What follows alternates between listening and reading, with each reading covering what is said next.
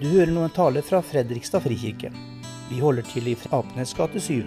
Velkommen skal du være. Ønsker du mer informasjon, finner du det på fredrikstadfrikirke.no.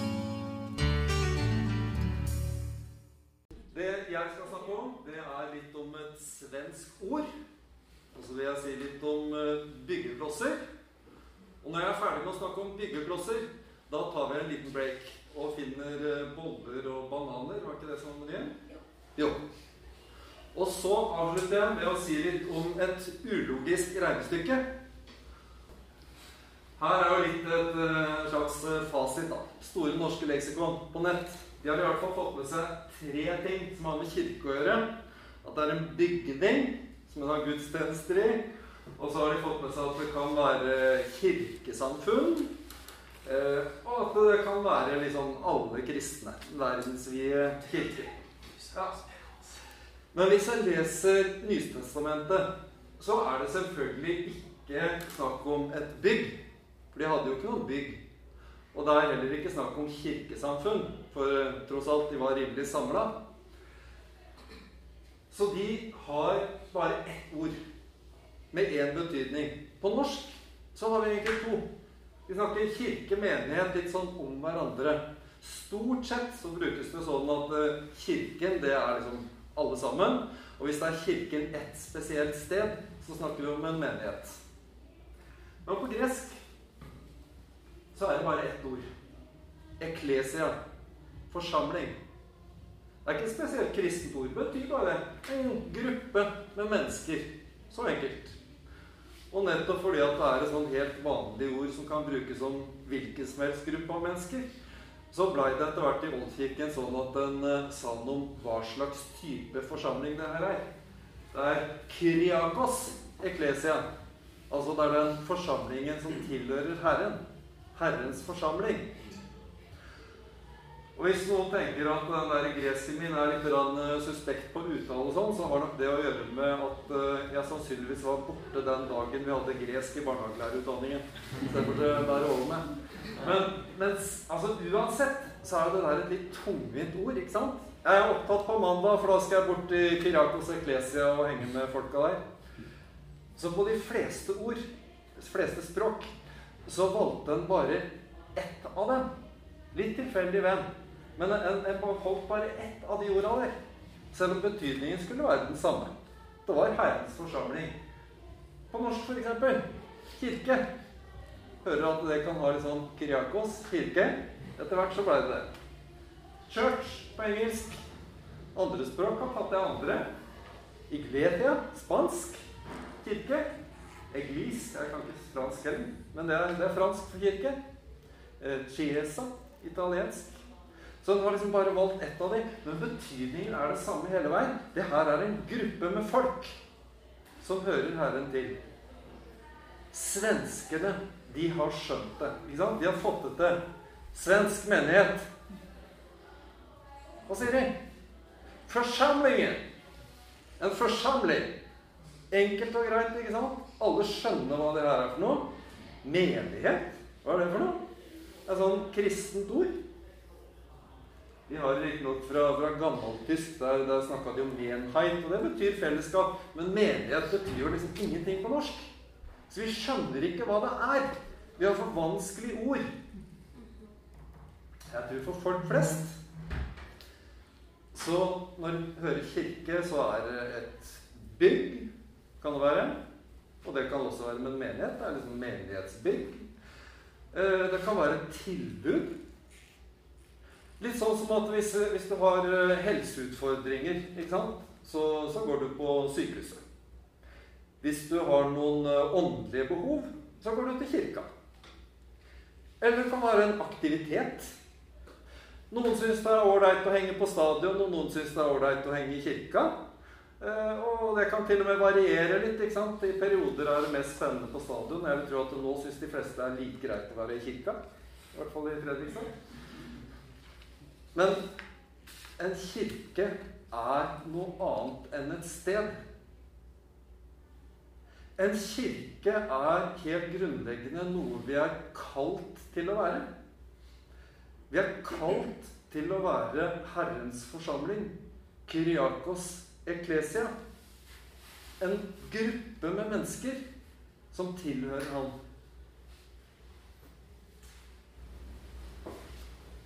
Det er ganske fort ferdig med det svenske ordet. Kan bruke litt lengre tid på det med byggeklosser. De første kristne de fikk gjerne nye navn når de kom til tro og ble døpt. Og det var for å, å vise og gjøre det synlig at nå begynte jo på et helt nytt liv. De fikk en helt ny identitet. Det henger igjen litt på engelsk. ikke sant? Når de skal si hva de heter til fornavn, så er det 'Christian name'. Det var det navnet de fikk i dåpen. En helt ny identitet. Men ikke bare en personlig identitet. Også en gruppeidentitet. At nå var de blitt en del av en Kyriakos eklesia. En del av en forsamling som tilhører Gud. Så det var en felles identitet, et nytt folk. Så derfor skriver Peter sånn til menighetene med de nye kristne dere er en utvalgt slekt. Et kongelig presteskap. Et hellig folk. Et folk som Gud har vunnet for at dere skal forkynne Hans storverk. Han som kalte dere fra mørket og inn i sitt lys. Underfulle lys. Dere som før ikke var et folk. Dere er nå Guds folk. Dere som før ikke fant barmhjertighet har nå funnet barmhjertighet. Det er vanvittig svært. Det er litt sånn overveldende, det her, at det her skal være oss. Kanskje det er for stort? For overveldende? Jeg vil tippe at det ikke gikk så veldig lang tid og så mange generasjoner før eh, mange av de kristne de, de, de syns det her ble litt voldsomt. Jeg ser for meg en eh, tenkt Antonius femtegenerasjons kristen. Tippoldefaren hans ble døpt av Paulus. Han fikk et helt nytt liv. Et nytt navn. Han var med på svære ting. Han slutta som soldat, som egentlig var yrket hans. Og Så solgte han mesteparten av det han eide, og så blei han en del av sånt menighetsfellesskap der de hadde det meste felles. Antonius han blei jo døpt som barn. Har alltid levd i det her. Det har vært fint og meningsfullt, men, eh, men, han har liksom ikke hatt noen sånne svære, livsforvandlende erfaringer med Gud.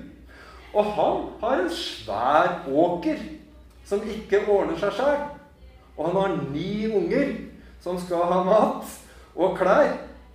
Når skal han få tid til å være sånn kongelig presteskap? Hvordan skal han orke det, i tillegg til det utrolig krevende livet som han bare må leve? Det kan vel ligne litt på oss. Noen gikk all in.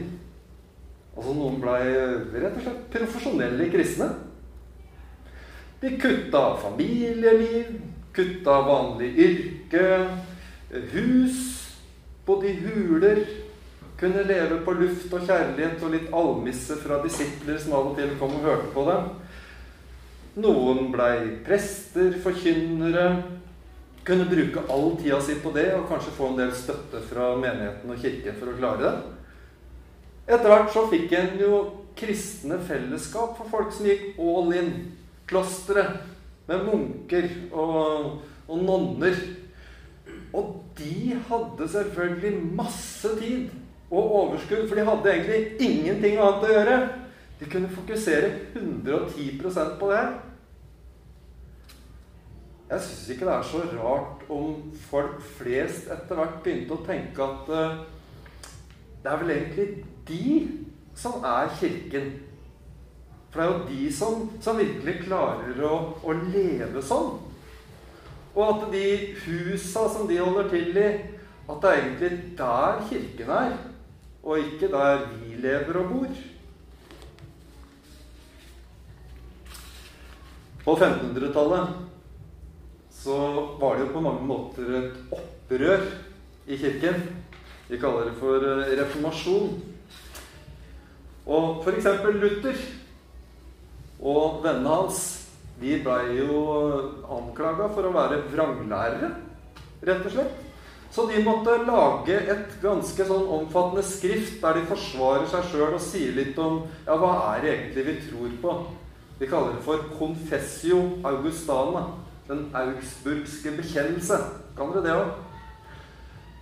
I avsnitt 7 der, eller artikkel 7, så sier de noe om hva Kirken er. Kirken, den er forsamlingen av de hellige. Så enkelt er det der evangeliet blir lært rent og sakramentene forvaltet rett. Når det er til stede, så er det en kirke der. De gjorde også opprør med tanken rundt hele kirken, ikke bare frelsesforståelsen. Så Luther han skrev ganske mye om det han kalte det allmenne prestedømmet. Allmenn, er det et greit ord? Alminnelig, vanlig, ikke sant? Han sier at uh, selv om det skal være orden her Det er ikke sånn at alle sammen skal liksom 'Å, nå skal jeg forrette her, Nå skal jeg ha dåp.' Vi skal ha litt orden. Vi skal ha litt forskjellige oppgaver.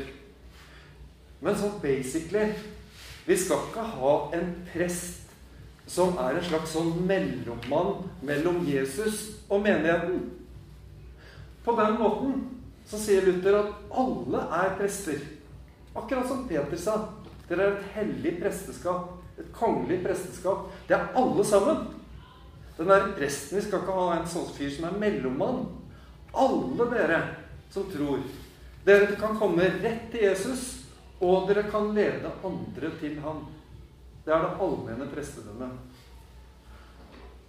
Og dermed så måtte Luther og reformatorene sette i gang med et kjempearbeid. Med bevisstgjøring og med kunnskapsformidling.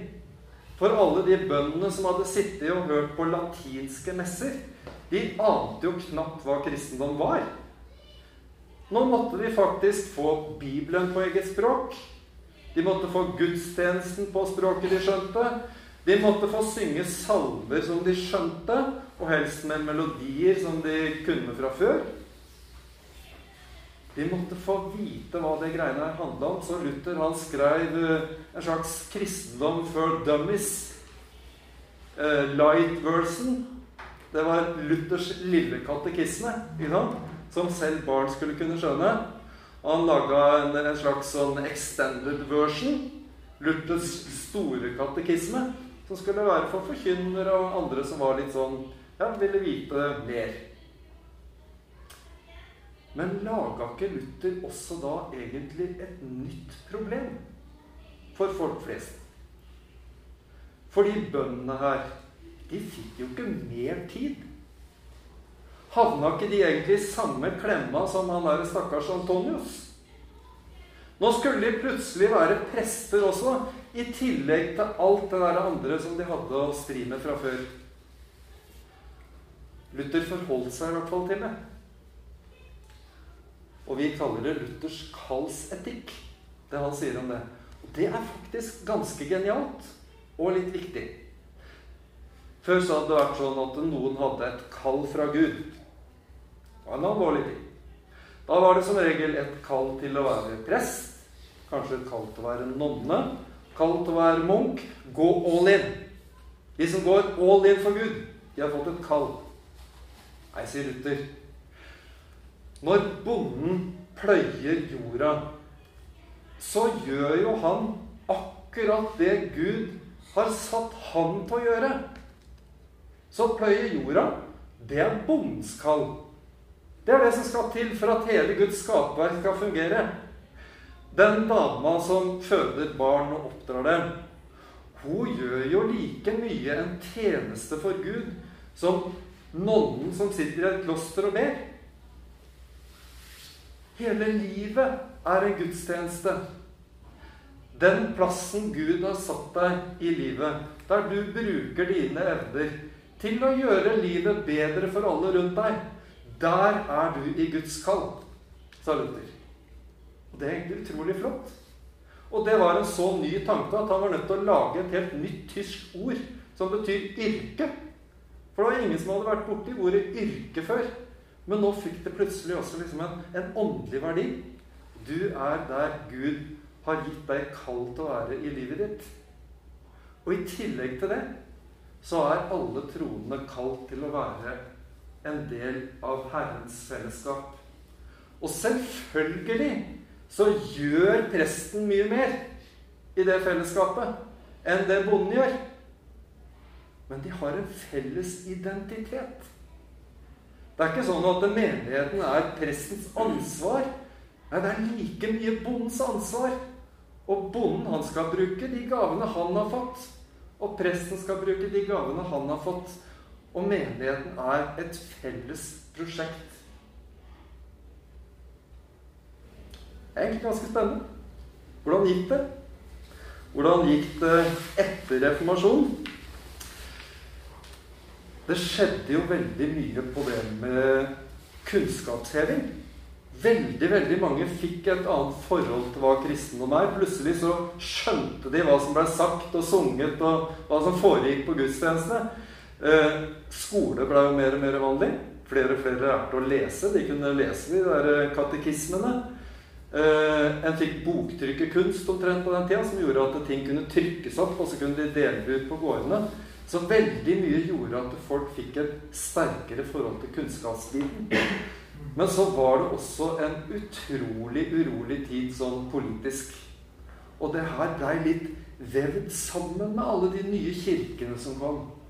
Den lutherske kirken og de andre reformatoriske kirkene som plutselig liksom blei noe annet enn den store katolske kirke. blei ble kriger. Noen fyrster og krigsherrer de holdt med den religionen, eller den delen av kristendommen. Andre holdt med den delen. Og det blei en slags sånn praktisk løsning på det her. At ok, hvis du bor et sted der fyrstene er luthersk, så er du også lutheraner. Vi kan ikke gjøre det vanskeligere enn det, ellers blir det helt håpløst. Men dermed blei jo også kirkene fyrstenes og kongenes kirke. Ser dere det? Og prestene de blei jo fyrstenes og kongenes prester. Så akkurat det der med at uh, menigheten er liksom en sånn fellesgreie som vi eier sammen, den blei vel egentlig litt borte.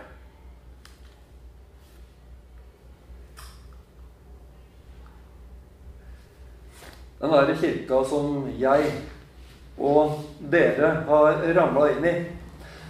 Eh, den er litt sånn morsom på den eh, måten at den tenker menighet på en litt annen måte. Ikke aleine om det, altså. Men mange av de derre nyere, tross alt 100-200 år gamle kirkene prøver å tenke menighet litt annerledes.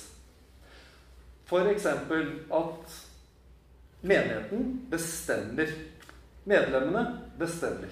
Pastoren har én stemme på en menighetsmøte. Han kan stemmes ned hvis de andre ikke er enige. Pastoren, presten, skal ikke være aleine om å ha det åndelige lederskapet. En finner en bonde og en slakter og en skomaker som også ordineres på samme måte som presten. Sånn at de også kan være med å døpe og forrette nattverd på samme måte som presten. Og jeg tror at i sum så har det her gitt en veldig sånn sterk menighetsidentitet for mange av de som var med i Frikirken. F.eks. derfor tror jeg at en fikk bygd det der kirkebygget vi har i byen, ikke sant? sånn mer eller mindre på dugnad på 80-tallet. Faren er jo opplagt. At det her kan bli en slags sånn uh, elitekirke ikke sant? For, for noen få veldig interesserte at i praksis så blir det en ganske sånn lik gjeng som holder på her. Eh, vanskelig å være annerledes, vanskelig å tenke annerledes, vanskelig å komme inn, og, og lett å forsvinne ut hvis en kjenner at en ikke helt eh, matcher formen. Frikirken er også i forandring, og på mange måter heldigvis. Særlig i Fredrikstad har det blitt et mye åpnere og mye mer inkluderende fellesskap. Samtidig så har vi dårligere tid. Vi orker ikke å holde på på den måten som en gjorde for 30 og 40 år siden. For det er rett og slett for krevende. Og det er ikke bare Frikirken. Det gjelder liksom skytterlaget og altså alle som driver frivillig arbeid. De sliter med det her. Og løsningen er jo rett og slett at en må ansette flere til å ta en del av de oppgavene som frivillige gjorde før. Jeg tror det er helt nødvendig. Det er ikke noe vei utenom det. Jeg tror at det Fredrikstad frikirke har overlevd på, og som gjør at vi er en så velfungerende menighet i dag, det er både at vi har såpass mange ansatte, og at de ansatte vi har, gjør en vanvittig bra jobb. Og samtidig da, så utfordrer det oss som ikke er ansatte. Fordi så mye egentlig ruller og går av seg sjøl her, så er det så lett at vi også tenker Kirken som et sted. Et tilbud. En institusjon. Noe som vi kan gå til. Og så mister vi opplevelsen av at Gud faktisk har kalt oss til å være hans forsamling. Sammen med de ansatte. Men ikke bare de ansatte. Vi har et felles kall. Alle har det kallet. Å være et kongelig presteskap. Et hellig folk. Det vi kan være det er at vi kan være byggeklosser. Vi kan ikke bygge en menighet, men vi kan være byggeklosser som Gud bruker til å bygge med. Peter skriver sånn som det her. Kom til han den levende steinen som ble vraket av mennesker. Den er utvalgt og dyrebar for Gud, og bli selv levende steiner som bygges opp til et åndelig hus. Et veldig flott bilde. Det vi trenger, det er å si til Gud at vi er ditt fellesskap. Bygg med oss. Bruk oss sånn som du vil, med de gavene og de evnene som du har gitt oss, sånn at vi kan bygges opp til å være et Herrens fellesskap. Og da tror jeg det passer med boller og bananer. Nå har jeg forhåpentligvis tegna et stort og flott bilde av hvordan en menighet kan være. Men hva slags mennesker er det egentlig som passer inn i det her? Hva skal til for å være sånne levende steiner som Peter snakker om? Er det bare dedikerte superkristne som er sterke i troen og har masse ressurser? Folk som både kan eh, snekre og synge og spille og holde andakter på en gang. En type seigmenn eller seigdamer som kan strekkes kjempelangt i alle retninger uten å ryke. Nei, hvis det var det, da kunne det ikke bli noe fellesskap. Jeg tror at noen av dere sannsynligvis ikke bør bruke mer tid og krefter i fellesskapet i menigheten. Kanskje noen av dere først og fremst trenger hjelp med dårlig samvittighet? At dere sliter med følelsen av å ikke strekke til? Og trenger å lære å både si nei og hvile? Noen av dere trenger kanskje å erfare at Jesus er en en kan komme til som gir hvile og fred. Ikke først og fremst en arbeidsgiver. Noen av dere trenger kanskje å se og oppleve på nytt at denne menigheten først og fremst er et nådefellesskap. Et sted der du skal komme for å ta imot av bare nåde. Vi er levende steiner. Gud han vet at han ikke bygger med murstein. Mursteiner de forandrer seg ikke. De kan du sette på et sted, og så blir de der og gjør jobben sin. Levende steiner de forandrer seg. Vi kan ikke alltid fylle samme rolle. Vi kan ikke alltid ha den samme oppgaven. Vi kan ikke alltid være den samme. Livet går i faser. Noen faser er travlere enn andre. I noen faser har vi kanskje mindre krefter og dårligere helse. Hva betyr det egentlig å være en del av et fellesskap? La oss si at du er i en livssituasjon, eller at helsen din er sånn at du ikke kan bidra med noen ting. Ikke vaske kirken, ikke ordne med kirkekaffe, ikke gjøre noe som helst annet enn å bare akkurat sitte der. Er det da noen vits at du kommer? Jeg kan jo si at eh, jo, for din egen del så har det her selvfølgelig noe for seg. For du, du, trenger å være en del av et fellesskap, og du trenger å høre forkynnelse og alt det der. Men la oss si at du egentlig syns det er ganske kjedelig. Eller at du kanskje får mer ut av å høre podkaster fra en eller annen menighet som er mye mer spennende enn den du går i til vanlig. Er det da noe poeng at du kommer? Ja, alle som har vært på, på stadion, de, de veit jo at det er ganske stor forskjell på opplevelsen av å være der, om det sitter en og annen sånn rundt omkring på langsidene, i forhold til om stadion er skikkelig full. Det er jo mye, mye mer inspirerende. Og sånn vil det selvfølgelig være i kirken også. Men er det en god nok grunn? at det kanskje kan gjøre en liten forskjell i forhold til hvor inspirerende det her er for noen andre. Jeg er ikke sikker på om det er viktig nok grunn for meg, i hvert fall. Jeg mener det er noe mer, og noe mye viktigere.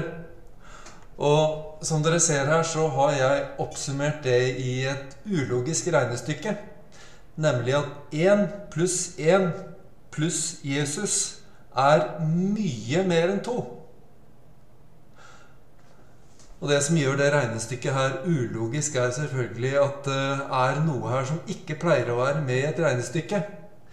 En, en slags ukjent faktor Jesus. Og poenget mitt er at Jesus er det som gjør den store forskjellen i et fellesskap. Et fellesskap med Jesus sprenger alle logiske grenser. Et fellesskap der Jesus er en del. Det er et helt annerledes fellesskap. Og Jesus sier jo noe om det her sjøl når han sier at der to eller tre er samlet i mitt navn, der er jeg midt iblant dem. Problemet vårt, utfordringen som fellesskap, det tror jeg ikke er at vi har lite å bidra med, eller at vi har lite ressurser, eller for den saks skyld for liten tid.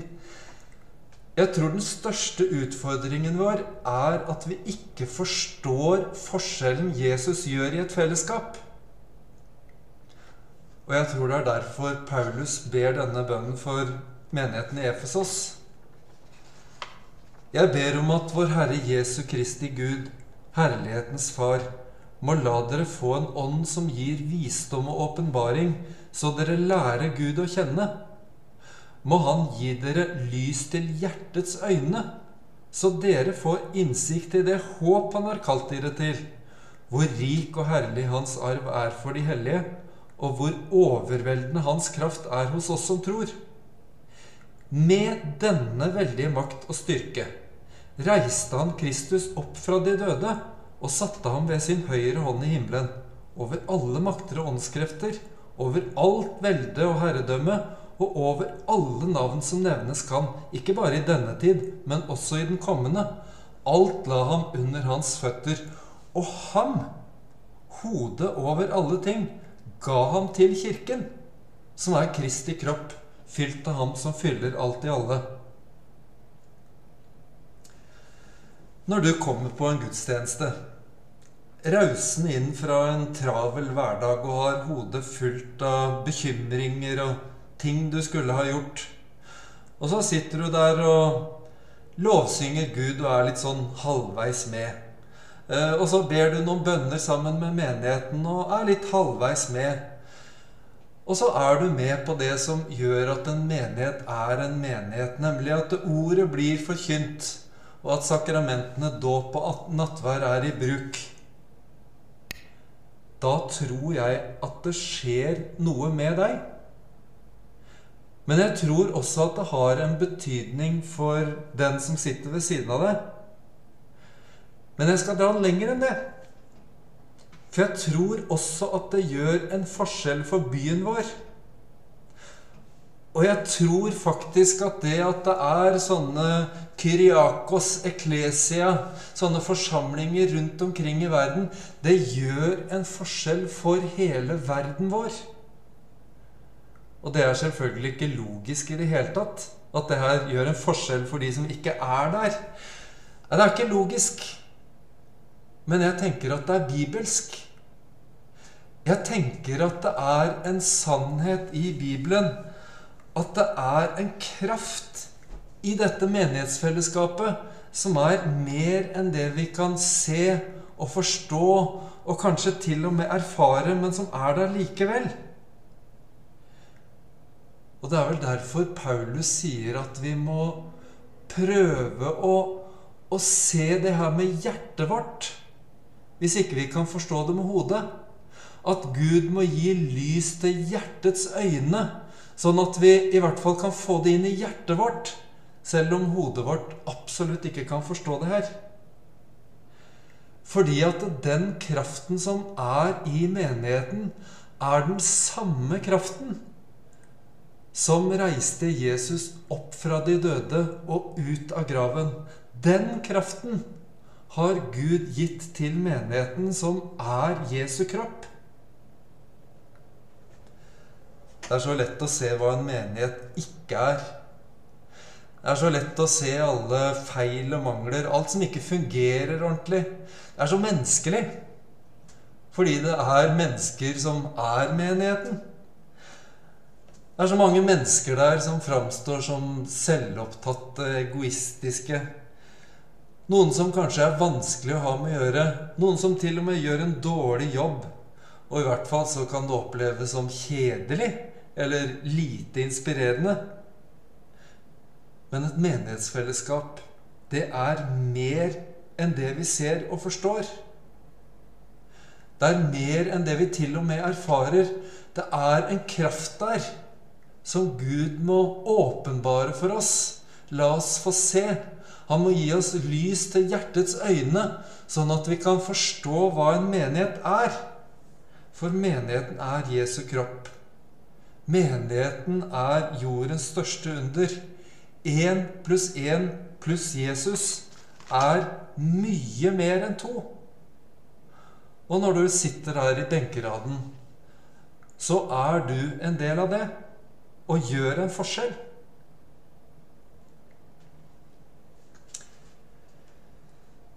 Livet vårt går i faser. Det er ikke alltid vi kan bidra med like mye.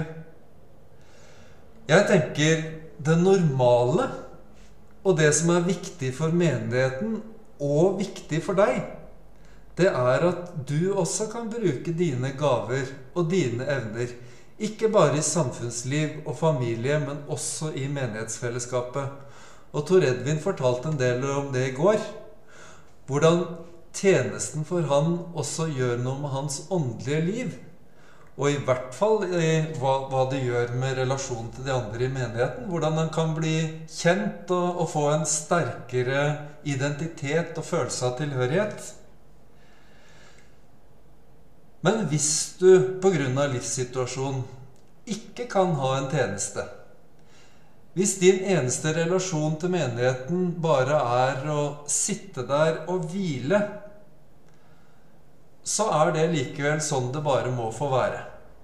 Ikke la noen kritisere deg for det. Ikke ha dårlig samvittighet for det. Bare aksepter at ok, sånn er det nå. Men hvis du opplever at livet ditt er sånn at du ikke har tid og overskudd til i det hele tatt å være en del av et åndelig fellesskap, så lurer jeg på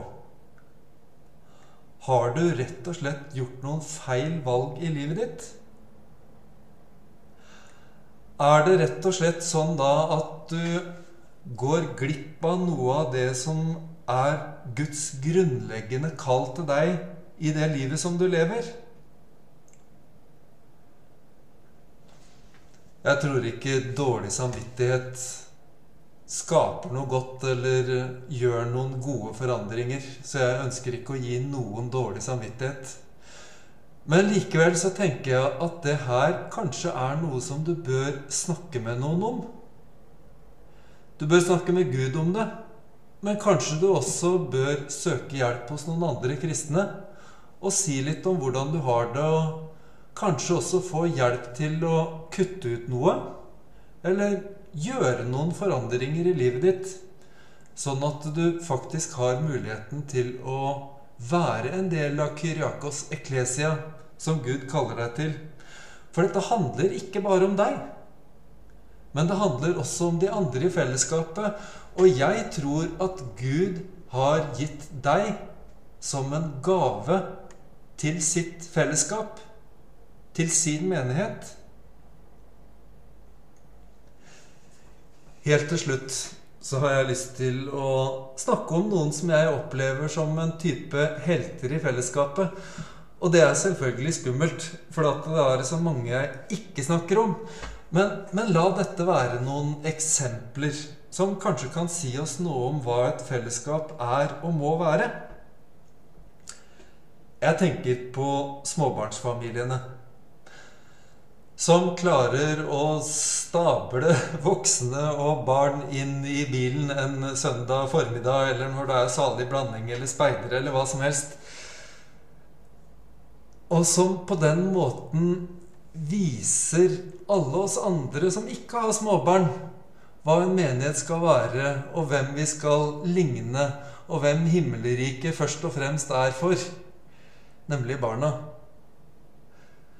Jeg er jo ikke mindre imponert av de som eh, klarer å få med tenåringene sine på en gudstjeneste. Men jeg tenker også på de foreldrene som ikke klarer å få med barna sine lenger. Og tenåringene som i hvert fall ikke har lyst til å være med i menigheten. Men så kommer de foreldrene her likevel og er en del av fellesskapet. Og jeg tenker at sånne steiner er veldig, veldig viktige når Gud bygger sin menighet.